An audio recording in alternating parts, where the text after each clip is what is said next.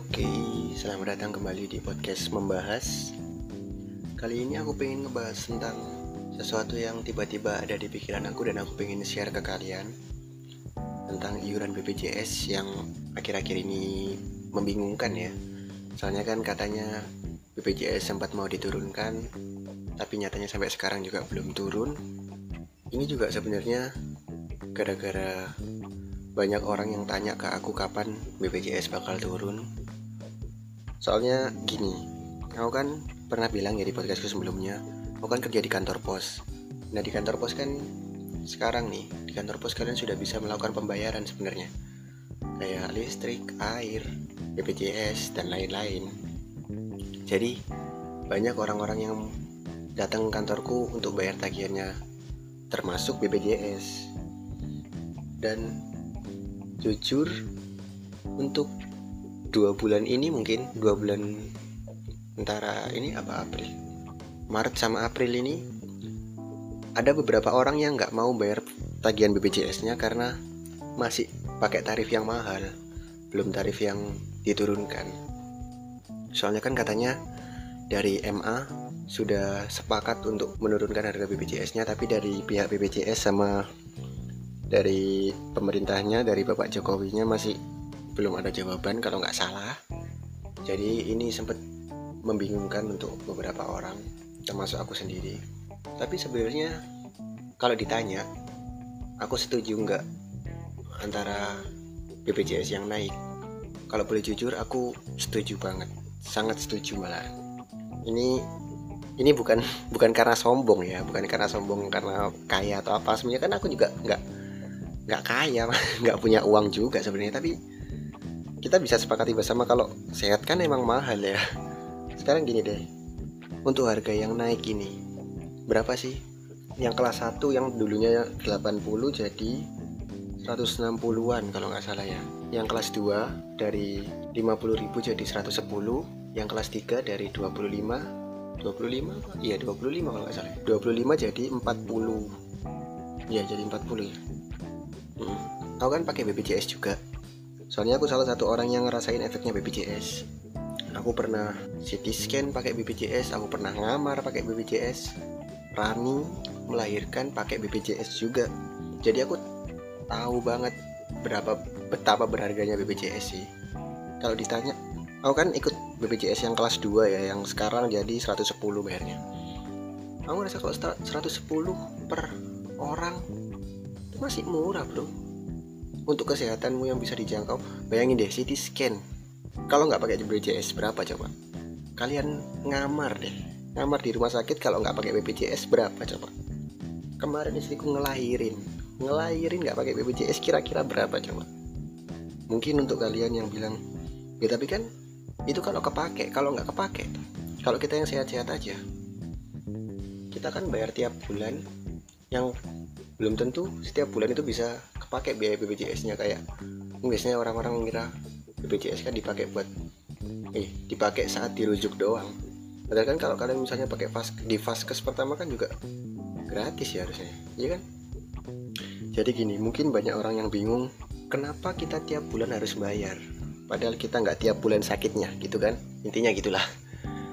Nah sistemnya di BPJS kan gini sebenarnya. Kalian tiap bulan bayar emang kan bukan buat kalian sendiri BPJS kan niatnya untuk menolong warga Indonesia yang lain. Jadi kalau kalian bayar uang iuran kalian bulan itu yang nggak kepake misalnya kalau kalian sehat akan dipakai untuk orang lain yang sedang sakit. Jadi kalian otomatis membantu orang lain yang sedang sakit. Jadi intinya dengan kalian membayar BPJS kalian termasuk sedekah. Ini nggak sih? Sedekah atau membantu lah membantu orang lain lah yang sedang sakit juga. Yang bisa kalian bayangkan kalau misalnya nggak orang yang sakit ini nggak dapat BPJS dia bisa-bisa nggak ketolong. Jadi kalau misalnya dibilang harga BPJS naik aku sih ngerasa masih masuk akal sih naiknya. Aku soalnya kan masih ada di kelas 2 jadi nggak terlalu mahal banget nggak terlalu murah banget. Menurutku sih cukup aku sekarang pakai BPJS yang kelas 2 untuk tiga orang ya. Aku Rani sama Ibrahim anakku. Per bulan kita ngeluarin berapa tadi? 300 300 untuk tiga orang sangat masuk akal menurutku. Nah mungkin juga banyak kalian yang bilang ya kalau tiga orang sih nggak masalah. Kalau gimana nih kalau misalnya ada keluarga yang anggotanya lima orang enam orang bahkan sampai lebih? Nah untuk ini aku punya cerita menarik. Jadi gini ada satu cerita. Beberapa minggu lalu mungkin beberapa minggu iya beberapa minggu lalu aku cukur rambut. Nah di tempat cukur orang yang nyukur dia cerita mas saya lo kalau kerja di sini ninggalin anak ninggalin istri mas. Saya orang desa soalnya. Oh orang desa ya mas ya? Kok nggak pulang lo mas? Ini kan lagi corona nih nggak takut. Oh ya enggak mas. Nanti kalau saya nggak kerja anak sama istri saya mau makan apa? Eh, daripada mereka sakit kan? Saya juga nggak punya BPJS ya mas. Kaget dong aku tanya kenapa mas nggak punya BPJS dia bilang gini mahal mas. Pakai yang kelas 3 aja mas. Murah. Sekarang meskipun naik cuma 40 per orang. Loh iya mas. Murah kalau satu orang. Nah, saya sekeluarga 8 orang anak saya 6 terus aku yang dah enam orang. Nih nih orang yang nyukur anaknya kalau udah besar semua main futsal nggak bingung cuy ada lima orang dan satu pemain cadangan. Mantap. Enam orang loh cuy. Enam orang. Gini deh zaman segini punya anak banyak itu nggak tahu ya. Kan banyak hiburan ya banyak. Orang ini nggak main Instagram atau apa sih? Masa tiap hari bikin sih? Buka Instagram gitu loh. Lihat dahsyat atau lihat YouTube lah. Jangan malah produksi dong 6 loh bro 6 terus aku tanya gini wih 6 ya mas ya iya wow. yang paling besar umur berapa mas yang paling besar dia bilang mau masuk SMP terus aku tanya lagi yang paling kecil 6 bulan mas Mari kita berhitung matematika, oke? Okay? Ini hitungan dasar aja, oke okay, logik. Orang kalau mau masuk SMP umurnya sekitar 12 sampai 13 tahun, bener? Ya nggak sih? Anggap aja 14 deh. 14. Anak yang paling kecil umur 6 bulan. Kita anggap itu satu tahun, oke? Okay? Ada anak 6 yang paling besar umur 14, yang paling kecil umur 1. Kalau dibagi 6, berarti kan mereka bikin setiap dua tahun sekali ya nggak sih setiap dua tahun sekali loh produktif sekali coba ya mungkin mereka ya karena orang desa juga ya mungkin mereka masih menganggap kalau banyak anak banyak rezeki. Tapi kan menurutku kalau anggapan itu kan udah udah beda ya kalau zaman sekarang kan. Kalau zaman sekarang kan harusnya banyak anak harus banyak rezeki. Ya nggak sih? Kalau kalian pengen punya banyak anak kalian harus nanggung konsekuensinya. Ya harus punya banyak rezeki dong buat menghidupi mereka. Jangan tinggal asal bikin doang. Kan juga dari dulu pemerintah juga udah bikin program KB bro keluarga berencana dua anak aja. Kalau kalian mampu untuk lebih ya nggak apa-apa. Tapi kalau nggak mampu terus kalian nyalain orang lain nyalain pemerintah ya ya kan yang salah kalian. Nggak salah pemerintahnya. Gini deh aku pernah lihat berita di Instagram. Jadi di Amerika Serikat di oh ya yeah, sebelumnya gini. BPJS itu kan cuma ada di Indonesia ya. Di negara lain kan nggak ada itu iuran untuk kesehatan dan lain-lain. Kan itu bayar sendiri. Jadi di Amerika aku pernah lihat cerita lihat berita. Ada seorang gelandangan dia masuk toko terus dia cuma nyuri satu dolar. Satu dolar? Satu dolar mungkin untuk Indonesia mahal ya. Satu dolar sekarang kan apalagi sekarang 16 nggak salah ya. 16 atau berapa gitu. 16 ribu. Tapi kalau di Amerika kan 16 eh satu dolar kan kecil kecil banget malah. Dia nyuri satu dolar terus nyuruh orang yang punya toko nelpon polisi. Polisi datang orang ini ditangkap. Nah kenapa orang ini minta ditangkap? Ternyata jawabannya adalah dia sedang sakit. Jadi orang yang nyuri ini udah tua sih udah tua banget sih. Umur mungkin kalau aku lihat 80-an mungkin. Jadi dia itu sedang sakit dan dia minta ditangkap karena dia merasa hidup di penjara. Lebih enak daripada ngelandang karena di penjara itu diperhatikan dikasih makan dikasih pengobatan kalau lagi sakit. Tuh orang di luar negeri aja kalau mau sehat harus masuk penjara. Kalau mau sehat gratis. Nah sekarang kita disuruh bayar dikit bro. Itu dikit sumpah dikit. Serius deh. Itu cuma segitu daripada bayangin di luar negeri deh. Kalian harus jadi gelandangan dulu.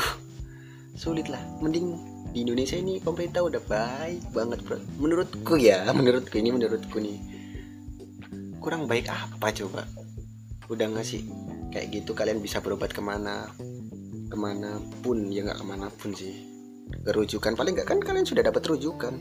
Bayar-bayar pun mungkin biaya admin sama biaya parkir mungkin kan? Nah jadi buat kalian yang masih ngerasa kalau BPJS ini gunanya buat apa Mungkin mindset kalian coba diubah deh Anggap aja kalian bayar BPJS itu sama aja kayak kalian sedekah per bulan. Untuk membantu teman-teman kita yang lagi sakit di luar sana. Kalau misalnya dalam bulan itu kalian nggak make ya. Soalnya kan emang harga yang lama itu terlalu kecil lah. 20 Gini deh. Gini deh gini. Kalian per hari bisa nggak sih nabung sehari 20 ribu harusnya bisa kan 5 ribu deh. 2000 deh 2000 deh 2000 kalian nabung 2000 per hari. 2000 kali 30 berapa berarti? 60 ribu 60 ribu bro. 60 ribu. Kalian kalau misalnya ikut kelas 2 itu masih ada kembalinya 20 ribu. Kalian nabung buat bayar biaya BPJS kalian sendiri coba. Ya emang mungkin kesannya terlihat mahal ya. Tapi kalau coba kalian nabung per hari sih kayaknya lebih ringan sih. Dan kalian coba mikir kalau itu sebenarnya kan juga buat kesehatan ya. Kesehatan kan emang gak ada yang murah. Mana ada orang semua sehat murah coba. Se orang sehat mah mahal tuh murah itu sakit. Tinggal hujan-hujanan panas udah demam. Sehat kan sakit. Eh sehat kan sakit. Sehat kan mahal. Zaman sekarang apalagi tuh orang sampai ngeborong masker buat dijual lagi dengan harga yang gila. Mahal kan masker? Hand sanitizer juga mahal kan sekarang? Ya mahal emang kesehatan. Gak ada yang murah dong. Mungkin nggak tahu ya tapi ini cuman ya sebenarnya ini cuma pendapatku aja. Semoga aja itu beneran gitu sih sistemnya. Jadi kalian bisa merasa sedikit lebih lega saat kalian ngeluarin uang BPJS. Nah ini aku ada satu cerita lagi sih sebenarnya tentang BPJS. Aku kan sama Rani kan suka banget beli seblak ya. Tahu kan seblak makanan khas Bandung. Nah di dekat rumahku itu ada yang jualan dan itu enak banget. Dan ternyata si mbak yang jual ini rumahnya deketan sama rumahku. Jadi Rani itu kalau setiap beli sering ngomong-ngomongan sama yang si mbaknya ini yang jualan beberapa hari mbaknya pernah tutup agak lama tuh. Terus akhirnya Rani sama aku waktu mau beli itu agak curiga ini kenapa ya kok tutup lama banget ya? Terus akhirnya waktu buka kita datang beli Rani tanya mbak kenapa kok kemarin-kemarin tutup lama? Terus mbaknya cerita oh iya mbak maaf. Kemarin soalnya anakku sakit ngamar seminggu di BPE ngamar seminggu di rumah sakit. Dulu kenapa mbak? Iya mbak soalnya waktu di rumah dia ini apa sih ngemutin apa sih ngemutin itu bahasa Indonesia nya nyemilin apa ya? Intinya dimut lah. Ngemut obat nyamuk bakar. Sampai apa sih? Uh, sampai hampir habis lah intinya. Terus kaget dong. Loh terus gimana pak? Oh by the way anaknya mbaknya masih belum setahun. Jadi mereka nggak ngerti tentang gitu-gitu tentang nggak boleh nggak boleh. Terus gimana mbak oh kaget aku mbak. Langsung muntah-muntah soalnya anakku sampai muntah ber langsung tak bawa ke rumah sakit. Untungnya ada BPJS oh bisa ke cover mbak anak mbak. Aku nggak tahu lagi kalau nggak ada BPJS mbak. Itulah salah satu kehebatan dari BPJS juga. Menurutku sih banyak sih yang bisa bisa dipuji dari BPJS sih. Daripada tentang gini deh mungkin kebanyakan orang yang ngerasa BPJS mahal itu karena mereka nggak banyak atau nggak sering mendapatkan fasilitas yang diberikan sama BPJS jadi mereka merasa kalau mahal. Untuk aku mbaknya tadi dan orang-orang lain yang sempat ataupun yang sering merasakan manfaat dari BPJS akan merasa kalau BPJS itu murah sebenarnya. Jadi tinggal tergantung pemikiran kita aja sih. Kalau kalian ngerasa jarang mendapatkan fasilitas dari BPJS dan kalian ngerasa kalau iuran BPJS per bulan itu mahal coba diganti dulu. Pola pikirnya jadi anggap aja sedekah aja deh. Buat aku mungkin yang sering pakai BPJS buat mbaknya atau orang-orang kayak mbaknya yang di luar sana yang lebih banyak. Oh ayahku dulu kena stroke. Dibantu BPJS juga terus apa lagi ya? Banyak lah. Banyak lah keluarga aku sering ngerasain banyak lah tentang BPJS asli. Dan aku ngerasa murah banget sih BPJS asli. Untuk fasilitasnya yang dikasih juga cukup sepadan sih. Dari harga yang murah dulu dan apalagi sekarang naik ya harusnya lebih baik lagi kan performanya. Tapi aku belum pernah mencoba untuk yang harga naik ini tapi kita doakan saja semoga semakin baik juga. Ya cukup segitu aja sih dari aku. Oh ya by the way untuk kalian yang punya topik pembahasan yang menarik bisa langsung DM ke Instagram aku aja di VR Febrian dan aku pengen bikin ini sih konten baru kayaknya tentang membahas. Tapi ya lihat kelanjutannya di Instagram saya saja oke? Okay? dadah